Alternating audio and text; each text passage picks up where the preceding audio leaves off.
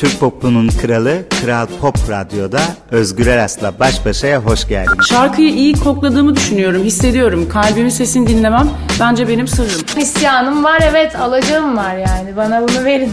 Şarkıları yazarken beslendiğin bir şey var mı? Özgür Aras'la baş başa. Türk popunun kralı Kral Pop Radyo'da Özgür Eras'la baş başaya hoş geldiniz. Bu haftaki konuğum yine benim için çok değerli bir isim. Türkiye'nin en ünlü radyocularından biri. Müslüm Gürses'in sesiyle, o meşhur sesiyle Damara Devam, Krala Selam, Okey diye anons ettiği Kral grubunun kaptanı Mehmet Akbay, namı değer Gezegen Mehmet. Hoş geldiniz. Özgürcüm çok teşekkür ederim. Seninle şu an aynı kurumda çalışıyor olmak benim için gerçekten çok büyük bir mutluluk. İkimiz de 1993 yılından itibaren yola çıktık.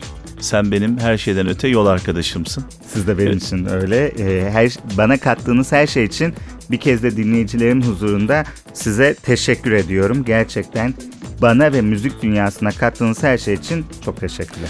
Şimdi Özgür tabii 30 e, yıl diyorum. Kralın bütün safhalarında bebekliğinden itibaren bu noktaya kadar geldiği her anda sen varsın. Zaman zaman ödül törenlerini falan izliyorum. E, gözüme çarpıyorsun. Ya diyorum ki hiçbir şey değişmemiş. Özgür Aras aynen. Yangında sanki, ilk kurtarılacak. Sanki ben. dondurulmuş gibi. Ajda Pekkan'a benziyorsun biraz. Hiç değişmiyorsun. Gerçekten hep böyle enerjik. Tip olarak da öyle. Senin buradaki varlığın tekrar söylüyorum bize güç veriyor. Çok teşekkür ederim. Şimdi e, bunca yıl müzik dünyasına kaptanlık yapmak. E, neydi bu kral e, grubunun sırrı ve sizin sırrınız neydi müzik dünyası üzerinde? Şimdi kaptanlık yapmak çok e, iddialı olur. E, onu Ama söyle- öyle benim yani benim nezdimde ve müzik dünyasında birçok e, sanatçıya geçmişine sahip çıkan da yine sizsiniz. Hatırlatacağım şöyle bir şey. Rahmetli Kayahan, Müslüm Gürses, daha sayamadığım birçok insan öyle bir anılıyor ki hiç kimse hiçbir şey yapmazken kral e, ve siz onlara sahip çıkıyorsunuz. E, bu da bir şekilde kaptanlık ve hamilik yapmak. Şimdi şunu söyleyeyim e, Özgür, bizler genelde öldükten sonra değer veriyoruz. Kralın en büyük özelliği biz yaşarken kıymet verdik. Kayahan Usta'nın e, mekan cennet olsun son anlarında bu hastalığın başlangıcı daha öncesinde yanındaydım. Sağlık Bakanımızla ziyaretine gittik. Hatta bir program yaptık evinden e, birlikte çok güzel. Son anlarında ve öncesinde yanındaydık. Yani Müslüm öl- Gürses. Ölmesini beklemedik. Müslüm Baba'nın zaten hep yanındayız. Yani kral demek, Müslüm Gürses demek. Ee, işte Neşet Ertaş, yani hiç unutmuyorum bir gün beni aradı. Mehmet kardeşim dedi, bana Mehmet kardeşim derdi e, rahmetli. Sizin dedi çaldığınız şarkılar biraz kaliteli değil. Bende özel bir arşiv var onu sana göndereyim sen onları çal dedi. Ne demek baba dedim gönderdi ve biz onun gönderdiği şarkılarla değiştirdik. Dolayısıyla kralın en büyük özelliği özellikle Kral FM olarak baktığımızda Özgür yaşarken değerlerimize kıymet verdik. Öldükten sonra değil. En önemlisi. Evet. Ha, kralla ilgili de şunu söyleyeyim. Ee, ben 1993 itibariyle Kral FM'de başladım. 94-95 sonrasında Kral FM'in e, müzik direktörlüğünü yaptım. Daha sonra 2000'li yıllarda ayrıldım. Üzülerek, ağlayarak ayrılmak zorunda kaldım. O ayrılığı da şöyle anlatayım. E, bu önemli bir ayrılık çünkü. Hiç kimsenin net olarak bilmediği bir ayrılık. Cem Uzan bizim patronumuz o zaman dönemin patronu 46. yıl diye bir etkinlik başlattı. Uzan grubunun 46. yılı. Bana geldi Müştak Ayvaz. Dedi ki Mehmet dedi Cem Bey dedi senin sunmanı istiyor bu etkinliği. Dedim gurur duyarım yani grubumun 46. yılının kutlamalarını stat konserlerinde Star TV canlı veriyor ben sunacağım. E, herkes sunabilir. Beyaz sunabilir, Cem Yılmaz sunabilir, başka bir sunucu. E, beni seçmeleri beni gururlandırdı. Neyse bir 10 tane falan sundum. Daha sonra e, baktım o 46. yıl siyasete evrildi. Ben de o dönem Sayın Cumhurbaşkanımız o da seçime giriyor. Ona karşı bir hassasiyetim var. Şimdi bir tarafta e, sevdiğim, değer verdiğim bir siyasetçi var. Diğer tarafta patron ve siyasete giriyor. Sert mesajlar vermeye başladı. Ben e, şöyle dedim benim için artık bir yol ayrımına geldik. Çünkü bu, bu kanalın sahibi Cem Uzan. O ne derse o olur. Yani tutup da ona ona rağmen bir şey yapmam mümkün değil. Hiçbir yere gidemezsin dedi Cem Uzan. Buna rağmen ben istifamı verdim. Ayrıldım. Çünkü aynı fikre sahip değiliz. İki sene Best FM'de çalıştım. Giderken geri dönerim diye gitmedim. Giderken ağlayarak, üzülerek gittim. Bir daha dönmeyeceğim diye gittim. Daha sonra TMSF el koydu. Adem Gürses beni aradı. Ee, o zaman grubun başındaydı. Mehmetçim dedi yuvana dönebilirsin. Ee, Kral FM'in müzik direktörü olarak ayrılmıştım. Ee, Star radyolarının genel yayın yönetmeni olarak tekrar göreve başladım. Ta ki 2008 yılına kadar, 2008 yılına kadar bu arada Süper FM, Metro FM, Joy FM, Joy Türk satıldı Canvas grubuna. Sonrasında Kral FM ve Kral TV kaldı. Ben Kral FM'e bakıyordum. Kral TV'de hiçbir alakam yoktu. Doğuş grubu 2008 yılında Kral markasını alınca dönemin genel müdürü, CEO'muz Cem Aydın dedi ki Kral TV'ye de senin bakmanı istiyorum. Hatta ben şöyle bir konuşma yaptım. Dedim ki ben yönetemeyeceğim şeyleri istemiyorum. Dedi ki nasıl anlamıyorum. Ben dedim top 20'me karışırsınız, ödül törenine karışırsınız, çaldığım şarkılara karışırsınız. Klip dünyası biraz daha farklı. Radyoda bağımsız olduğum için varım ama ben televizyonu istemiyorum dedi. Televizyonu yönetmek istemiyorum. Dedi ki Mehmetciğim burası dedi senin bildiğin gibi bir yer değil. Buranın kültürü başka. Doğuş grubu dedi işi erbabına verir ona karışmaz dedi. Asla böyle dışarıdan müdahaleler etmez. Bu sözü aldıktan sonra Kral TV'de 2008'den itibaren bana e, bağlandı. Kral TV, Kral FM. Yani kralın tamamını ben kurulduğu günden beri ben yönetiyorum desem doğru olmaz, yalan olur. E, benim Kral TV'deki sorumluluğum 2008'den sonra başladı. Çünkü bazen beni eleştirenler Cem Uzan dönemine atıfta bulunarak beni eleştiriyorlar. Ya tamam da kardeşim ben o dönemde sadece Kral FM'in müzik direktörlüğünü yapıyordum. Kral TV ile benim bir alakam yoktu. Kral TV ile alakam 2008 yılından itibaren başladı. Sonrasında da zaten toplamda 5 tane ödül töreni yapıldı.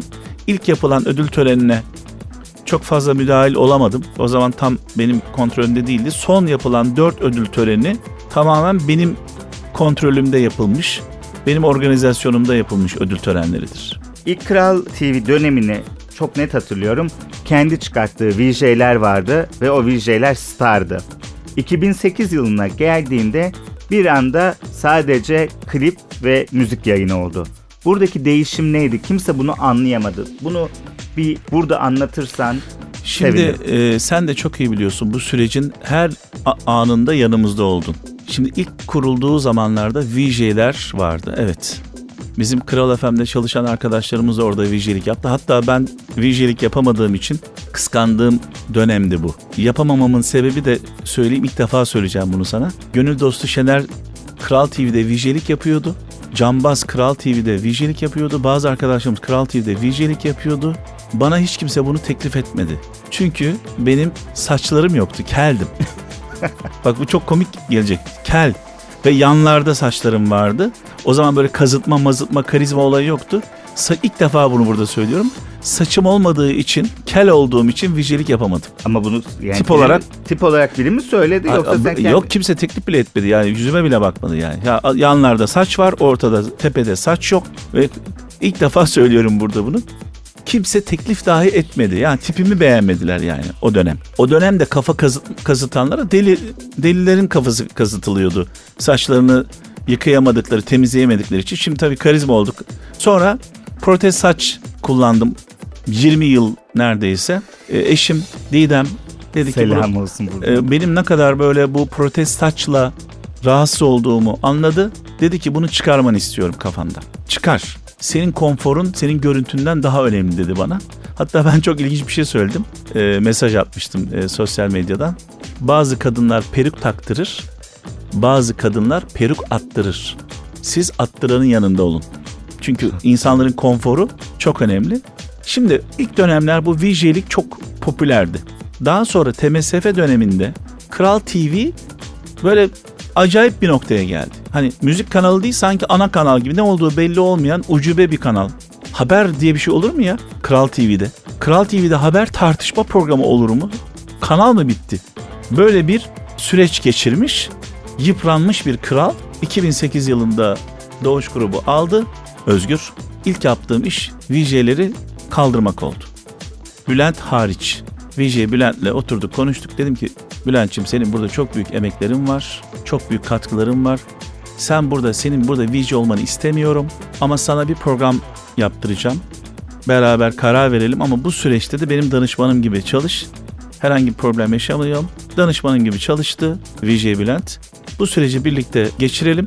Ama sana dedim çok özel bir program. Böyle çıkıp da dedi senin klip sunmanı istemiyorum dedim. Ya sen daha değerli bir adamsın.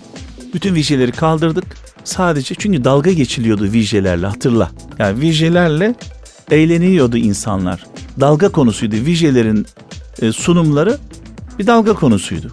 Kaldırdık Bülent hariç. Biz Bülent'le aylarca beraber Kral TV'nin yayın akışları konusunda, programları konusunda hep böyle müzakere ediyoruz karşılıklı. Ta ki Oray Eğen'in programına çıktı Bülent. Şık olmayan bir programdı. Yani programın kaydını izlediğiniz zaman anlayacaksınız. İşte Kral TV'nin geçmiş dönemiyle ilgili dedikodular, o konuşmalar, o muhabbet. Yani şöyle üzüldüm.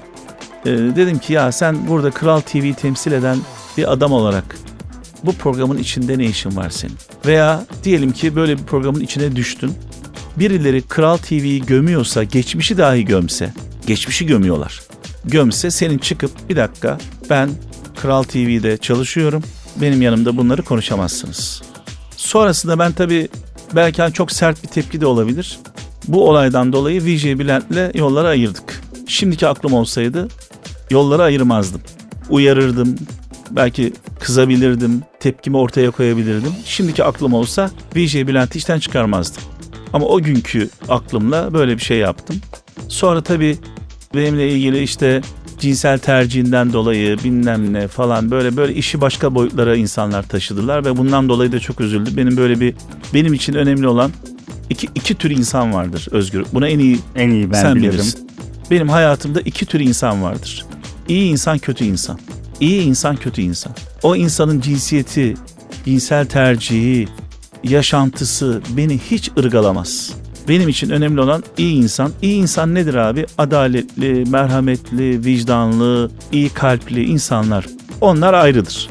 Kötü insanlardan da uzak dururum. Bayağı beni bu konuda yıprattılar. Hiç duymadığım, bilmediğim bir kelime homofobik oldum bir anda. Oysa ki benim etrafımda bir sürü insan var benim yakın dostlarım, canlarım. Hiçbiriyle en ufak bir problem yaşamadım. En sonda geçtiğimiz günlerde Miyor 1'de İlhan Şeşen'le bir toplantıya gittiğimde VJ Bülent'le karşılaştık. Daha sonra işte annesinin vefatından sonra ben ona mesaj yazmıştım. O bana yazdı. Daha sonra bir telefon konuşması yaptık. Böyle telefonda aslında VJ Bülent'le sarıldık birbirimize. En kısa zamanda da e, işte bir araya geleceğiz. Benim böyle bir kimseye karşı bir kırgınlığım yok. Burada hemen ufak bir şey yapacağım. Ee, 30 yıllık tanışıklığımızda din, cinsiyet, ırk ne sayılırsa böyle bir ayrımın olmadığına ben kendi adıma Özgür Aras olarak imza atabilirim. Şimdi benim yanında çalışan bir sürü arkadaşım var. İnan ki hangi partiye oy verdiklerini bilmem. Hiçbirinin e, cinsel tercihleriyle ilgili hiçbir fikrim yoktur. Hiçbirisi benimle aynı fikirde, aynı dünya görüşüne de sahip değildir. Evet şimdi bak bunları böyle anlatmana hiç gerek yok. Çünkü insanlar benim nasıl bir hayat yaşadığımı, neye inandığımı, e, ne olduğumu çok iyi biliyorlar. E, ben hayatımla ilgili hiçbir şeyi hiçbir zaman saklamadım. 30 yıl teşviki mesaimiz süremezdi. Evet. Ben e, evet şimdi bir iş yapıyoruz ama benim hayatımda özel bir yerin var, eşinin özel bir yeri var. Ben senin evine girip senin evinde kalabilen e, ender insanlardan Evet. biriyim. O yüzden yani bu konuyu ben hiç sana Yani orada orada e, haksızlık yapıldı. Benim verdiğim tepki biraz e, sert olabilir. İşten çıkarma kararı e, sert olabilir. E, ama o programda da konuşulan konuları YouTube'a girip baksalar insanlar bana hak verirler. her şey bir tecrübe. Evet. Şimdi günümüze dönüyorum. Her yeni kuşak kendi müzik tarzıyla beraber geliyor. Bu yeni dönemi nasıl değerlendiriyor Gezegen Mehmet? Şimdi yeni dönemi e, şöyle anlatayım sana. Rap müzik şu anda müzik sektörünü adeta kuşatmış şekilde. Buna bizim tabii duyarsız kalmamız söz konusu değil. Sonuçta biz toplumun aynasıyız Özgür. Topluma kendi zevklerini yansıtıyoruz. E, ama zaman zaman böyle misyonerlik yaptığımız noktalarda oluyor. Yani bu tür markaların bir misyonerliği de vardır. Ama bu misyonerlik %10'un üstüne çıkmaz. %90 halk ne istiyorsa onu veririz. %10'luk da kendi inisiyatifimizi koyup denemeler yaparız. Tutarsa ne ala tutmuyorsa da hemen sessizce çekiliriz.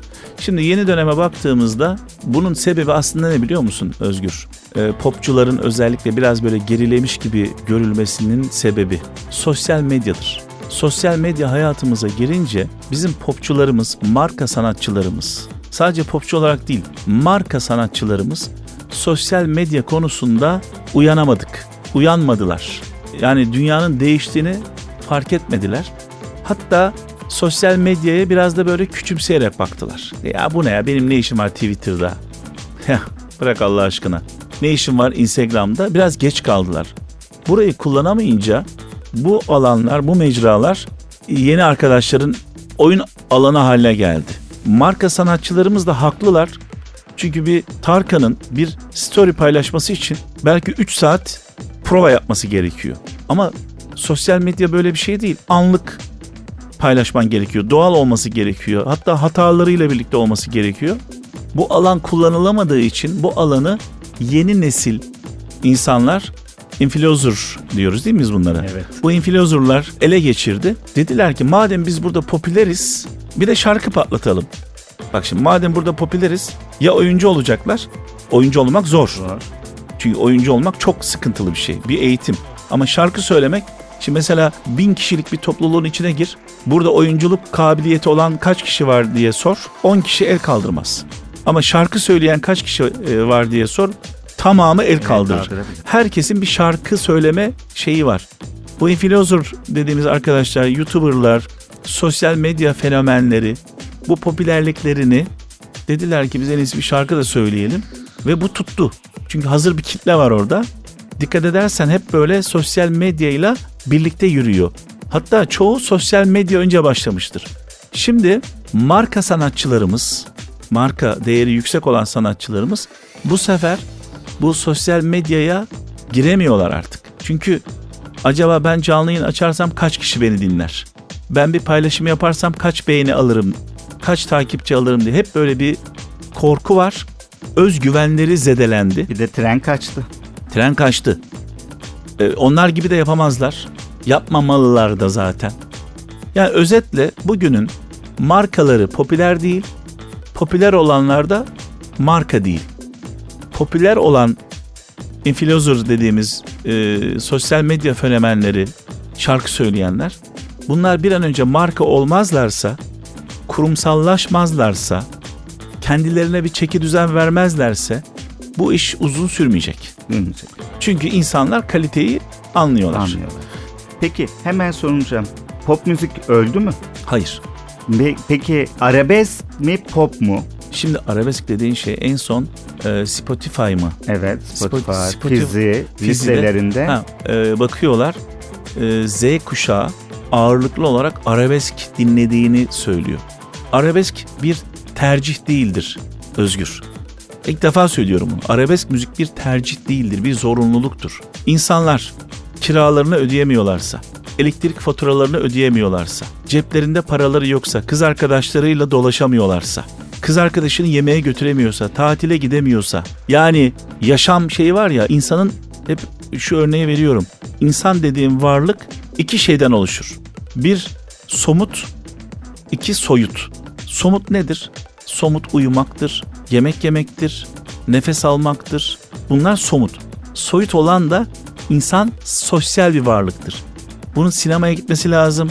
Bunun konsere gitmesi lazım. Bunun kız arkadaşıyla yemeğe gitmesi lazım. Bunun tatile gitmesi lazım. Ekonomik durum, şu an ülkemizin içinde bulunduğu ekonomik durum aşkları bile etkiliyor. Şimdi kavuşamayan, ayrılan insanların dibine indiğinde ekonomik sebepler çok fazla. Ekonomiden dolayı kavga ediyor insanlar. Anlatabiliyor muyum? Dolayısıyla ülkemizde sıkıntı var, yoksulluk var, çaresizlik var, büyük bir enflasyon var. Yaşadığımız bu ekonomik sıkıntılar müzik tercihimizi etkiliyor. Yani bir insan büyük sıkıntı çekerken e, zil takıp oynayamaz ki. Ben sana söyleyeyim. Çok net. Türkiye, Norveç gibi bir ülke olsa e, yıllık gelirimiz 50 bin dolarların üzerine çıksa iddia ediyorum müzik tercihimiz değişecek. Manşet bu olsun bence. Arabesk bir tercih değildir. Değildir. Çok güzel cümle. Zorunluluktur. Yaşadığımız hayatın karşılığıdır. Efsane kral müzik ödülleri vardı. Yani benim işte 30 yılla sığdırdığım e, meslek hayatımda çok önemli. Oscar gibiydi. Son 4 yılında da çok keyifle çalıştım. Çünkü gerçekten bütün listeler adaletle yapılıyordu. Neydi artık yapılmama nedeni? Şimdi Türkiye'de ne yazık ki sen de biliyorsun gelene ödüller töreni var. Mesela arıyor bir üniversite diyor ki Özgür Bey size işte yılın iletişimci ödülünü vereceğiz. Sen diyorsun ki benim o gün işim var. O zaman tamam diyor kapatıyor telefonu gidiyor başka birini arıyor. Ben mesela zaman zaman beni de çağırıyorlar ödül törenlerine. İşte size ödül vereceğiz. Diyorum ki bana gerekçesini ortaya koymazsanız ben o ödülü almam. Yani bu ödülü bana niye veriyorsunuz? Bana mantıklı ve makul sebepler ortaya koymanız lazım. Sırf ben geleyim diye veriyorsa ben ödülü kabul etmiyorum. Hak etmediğim ödülü asla kabul etmem. Bugün denemek için, trollemek için belli kişilere saçma sapan ödüller versinler mesela. Hiç mesela hayatında sosyal bir kampanya yapmamış. Yapsınlar bunu mesela. Bak buradan öneriyorum. Hayatı boyunca sosyal bir olaya dokunmamış bir sanatçıyı arasınlar veya bir oyuncuyu. Size yılın sosyal duyarlılık ödülü vereceğiz. Bakalım o sanatçı veya o e, şarkıcı ya arkadaş ben hayatım boyunca lay lay lom dolaştım. Benim bir sosyalliğim yok. Ben kimseye herhangi bir bu konuda bir katkım olmadı. Ne ödülü de gider o ödülü alır. Ödül alayım da ne olursa olsun. E, Kral müzik ödüllerinin doğrular da yapılmıştır. Geçmiş yıllarda da uzan döneminde de mutlaka doğrular da var. Hepsi ben %99'u yanlış demiyorum. İçinde iyiler, kötüler ama hatalarda eleştirdiğimiz şeyler de var. Sen de bu süreçleri çok yakından bildiğin Aynen. için söylüyorum. Sonra işte Doğuş grubu aldıktan sonra ben tabii böyle kıvranıyorum. Oradan arıyor, arıyorlar, buradan arıyorlar. Bir gün Ferit Bey'le sohbet ediyoruz. Dedi ki Mehmet dedi senden bir şey rica ediyorum. Hiç dedi canını sıkma. Moralini bozma. Bizden dedi yapamayacağımız şeyleri isteyenler bizim dostumuz olamaz dedi. Başını yastığa koyduğunda huzur içinde uyu. Adaletli ol. Senden sadece bunu istiyorum. Şimdi bir patron bunu söylediğinde altında çalışan adam ne kadar kötü olursa olsun patronun torpil yapmadığı yerde sen yapabilir misin? Biz de ne yaptık? Bir sistem kurduk. Dedik ki biz ödülleri biz vermiyoruz. Ödülleri sistem veriyor. Nedir abicim o? Önce şunu kararlaştırdık. Bu ödüller bir yılın ödülü. Geçen yıl Ocak ayından Aralık sonuna kadar. Tarih bu. Bir gün bile geçse aday olamıyor. Ocak 1, Aralık son. Nokta. Sonra bu süreçte hangi albümler, hangi şarkılar çıkmış hepsini çıkardık. Sonra bunları kategorilere ayırdık. Hepsini. Dedik ki bütün bunların hepsi aday. Aday adayı. Aday adayı. Aday adayı olmak şey değil. Herkes aday adayı. Sonra bu bir sürü ödül törenine de büyük ödül törenlerine örnek teşkil etti. Ha, bunlar dedik aday adayı. Aday adayı demek aday demek değil, Değil. dedik. Sonra dedik ki dedik ki bunu bunu biz askıya çıkarıyoruz. İtiraz olan var mı sektörden? Aday adaylarını görüyorlar. Bütün sektör inceledi. Öneriler, eleştiriler geldi. Bazılarını çıkardık, bazılarını tekrar koyduk falan filan. Sonra- Bunlar için toplantılar Ha, yapıldı. Onu düzenli. söyleyeceğim. Sonra meslek birlikleriyle MÜYAP'la, e, MÜYOR 1'le, MESAM'la, MSG ile, yöneticileriyle toplantılar yaptık. Radyocularla. Radyocular, aranjörler, klip yönetmenleri, e, gazeteciler, magazinciler, bütün herkesle toplantılar yapıldı. Aylar sürdü bunlar. Aylarca sürdü. Sen de işin içindeydin. Bunların fikirlerini aldık, görüşlerini aldık. Daha sonra aday belirlemede Özgür %33 satış rakamları, dijital satışlar, fiziki satışlar, radyolarda çalınma oranları. %33 halk, %33'te jüri, 50 kişilik uzman jüri, sektörün önde gelenleri. O jüriden gelsin o mailler diye ne kadar Aa. uğraştığımı, ekibin ne kadar uğraştığını sabahlara kadar burada e, sabahladığımızı çok iyi biliyorum. Yani bazen şunları da yaşadık. Puanlar eşit oldu. Eşit olduğunda ne yapacağız diye kara kara düşündük. Nasıl, kime e, bu eşitliği nasıl bozabiliriz diye günlerce onun planlarını yaptık. Daha sonra adaylar 5'e düştü. Belirlendi. Dedi ki artık satış rakamlarını kenara çıkarıyoruz. Çünkü artık aday belirlendi. 5 tane aday var. herhangi bir adayın ayağına pranga takmayalım. %50 jüri, %50 halk oylaması. Oylamalar yapıldı. Organizasyonu sen de çok iyi biliyorsun. Organizasyonu yapan firma bile son 2 saati 3 saate kadar hiçbirisi Kimse bilemedi. kimin ödül alacağını asla bilmedi. Anlatabiliyor muyum? Ve hiç kimse bana bu süreçte hatta bir konuşmam var e, ödül törenlerinden birinde. Şöyle diyorum. işte bizden yapamayacağımız şeyleri isteyenler bizim dostumuz olamaz demişti Ferit Bey. Hiç kimse beni aramadı. Gerçekten aramadı kimse beni. Hiçbir kişi aramaz mı ya? Bu ödülü kime vereceksin? Şuna mı vereceğim buna. Sistem düzgün olduğu zaman kimse kimseyi aramıyor. Çünkü onu bir de yaşadılar, tecrübe ettiler. Ha, hiçbir Allah'ın kulu beni aramadı. Ve biz bu, şe- bu şekilde bu ödülleri e, verdik. Ve orada verirken de şö- şöyle de bir şey söyleyeceğim sana çok önemli. Biz ödül alacakları arayıp davet etmedik. Adaylar hepsi geldi oraya oturdu. Orada öğrendiler ödül alacaklarını. Hatta dört tane aday var. Bir tanesi yok. O olmayan ödül aldı bazı yerde. Dördü birden oturuyor orada bir tanesi gelmemiş. İşte Tarkan Sevda'nın son vuruşu albümüyle 7 tane ödül aldı. Ama biz sistem bu. Satış rakamları, jüri puanları, halk oylaması baktığın zaman çok adaletli bir iş yaptık. Çok adaletli. Ha niye kaldırdık onu da söyleyeyim. Şimdi Özgür adayları açıklıyorsun aday olmayanlar küsüyor. Küsüyor sana. Aday olanlar ödül alıyor. Ödül almayan adaylar küsüyorlar. Ödül alanlar daha fazla niye ödül almadın diye küsüyorlar. Dedim ki ben hiç kimseyi mutlu edemiyorum. Herkes mutsuz. Bu arada ödül alacak kadar başarılı olanların da zaten ödül almak gibi bir dertleri yok. O yılı çok başarılı geçirmişler. Onların umurunda değil. Herkesin mutsuz olduğu bir organizasyon düşün. Sonunda da günlerce biz bunlarla uğraşıyoruz. Ödül töreni yapmayacağız dedik. Bir kişi aramadı beni. İşte. Bak ödül töreni yapılmayacak kararını açıkladım. Şey bekliyorum sektörün önemli isimlerinden tepki bekliyorum. Ya Mehmet ne yapıyorsun sen olur mu öyle şey bu geleneksel bir ödül töreni çok şöyle güzel. Dedim ki demek ki yapmasam da kimsenin umurunda değil. Yapsam da ben peki o zaman bunca çileyi niye yaşıyoruz biz? Madem kimsenin umurunda değilse böyle bir ödül töreni o zaman yapmayalım dedik. Ve böylelikle bitti. Böylelikle bitti. Peki müzik dünyasından körlerle doludur ya. Yani yüzde altmışın nankördür. Hiç müzik dünyasında küstüğün oldu mu?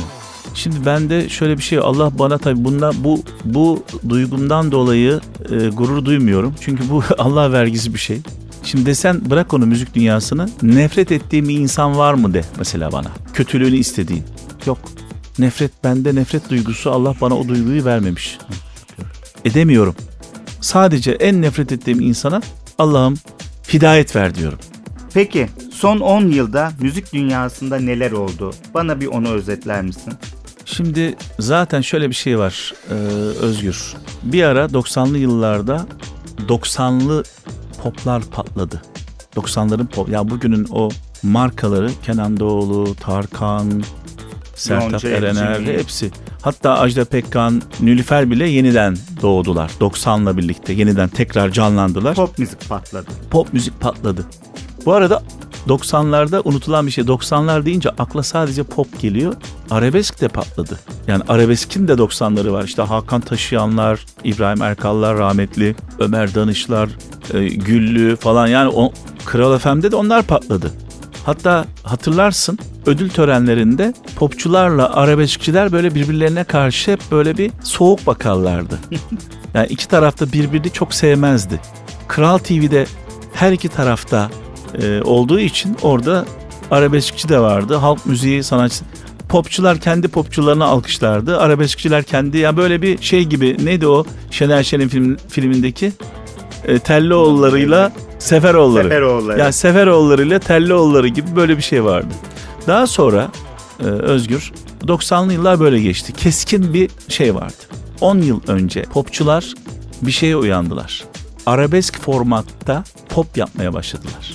Anlatabiliyor muyum? Yani biraz o pop şeyini bozdu sanatçılar. Kalıplarını bozdular. Bakıyorsun okuma arabesk. Kemanlar var. Yani şey gibi yani arabesk ama pop. Hatta şöyle bir şeyler oldu. Aynı şarkıyı aynı e, formatta bir popçu okuduğunda radyolar çaldı.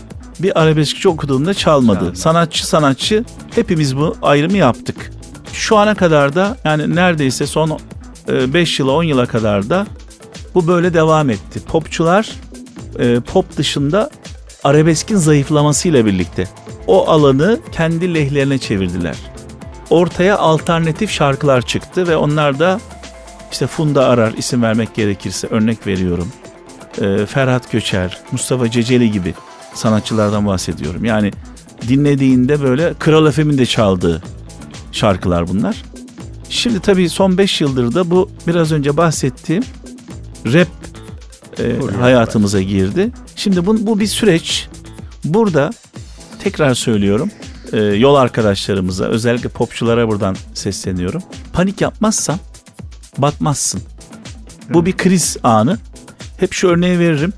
Başımıza bir kaza geldiğinde, bir olay yaşandığında o olayın verdiği hasardan daha büyük hasar olay sonrası verdiğimiz tepkilerle tepkilerimizi dikkatle ölçerek e, vermemiz gerekiyor.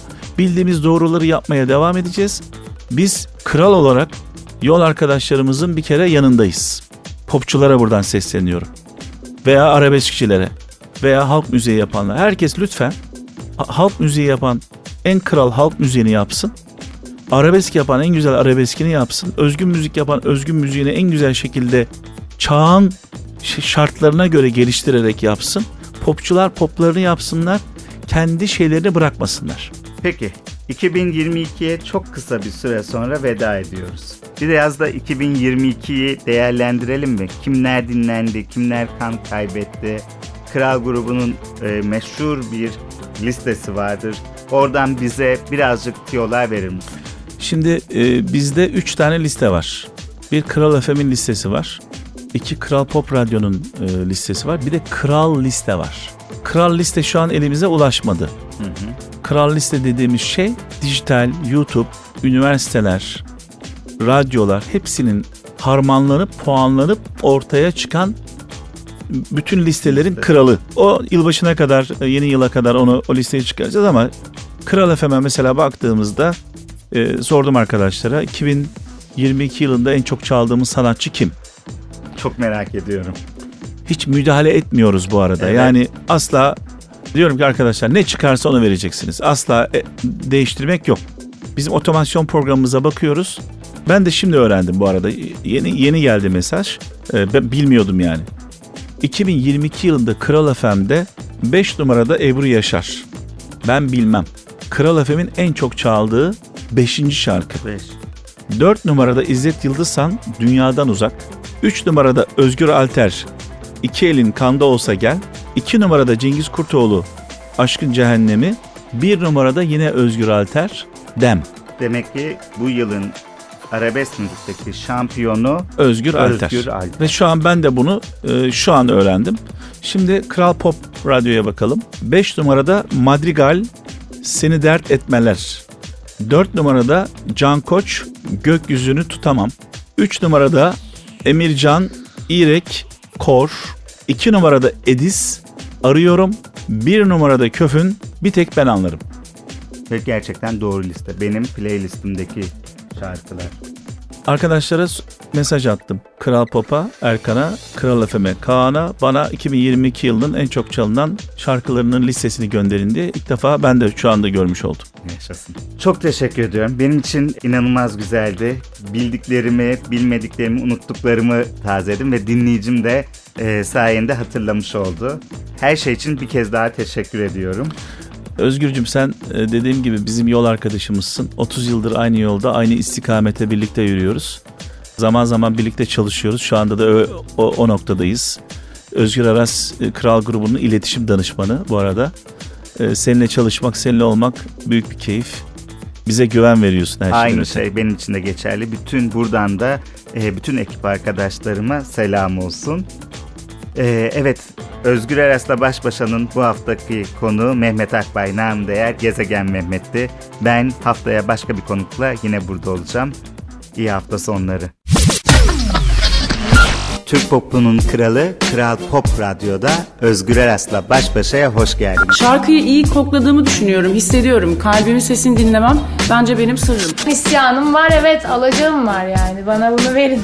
Şarkıları yazarken beslendiğin bir şey var mı? Özgür Aras'la baş başa.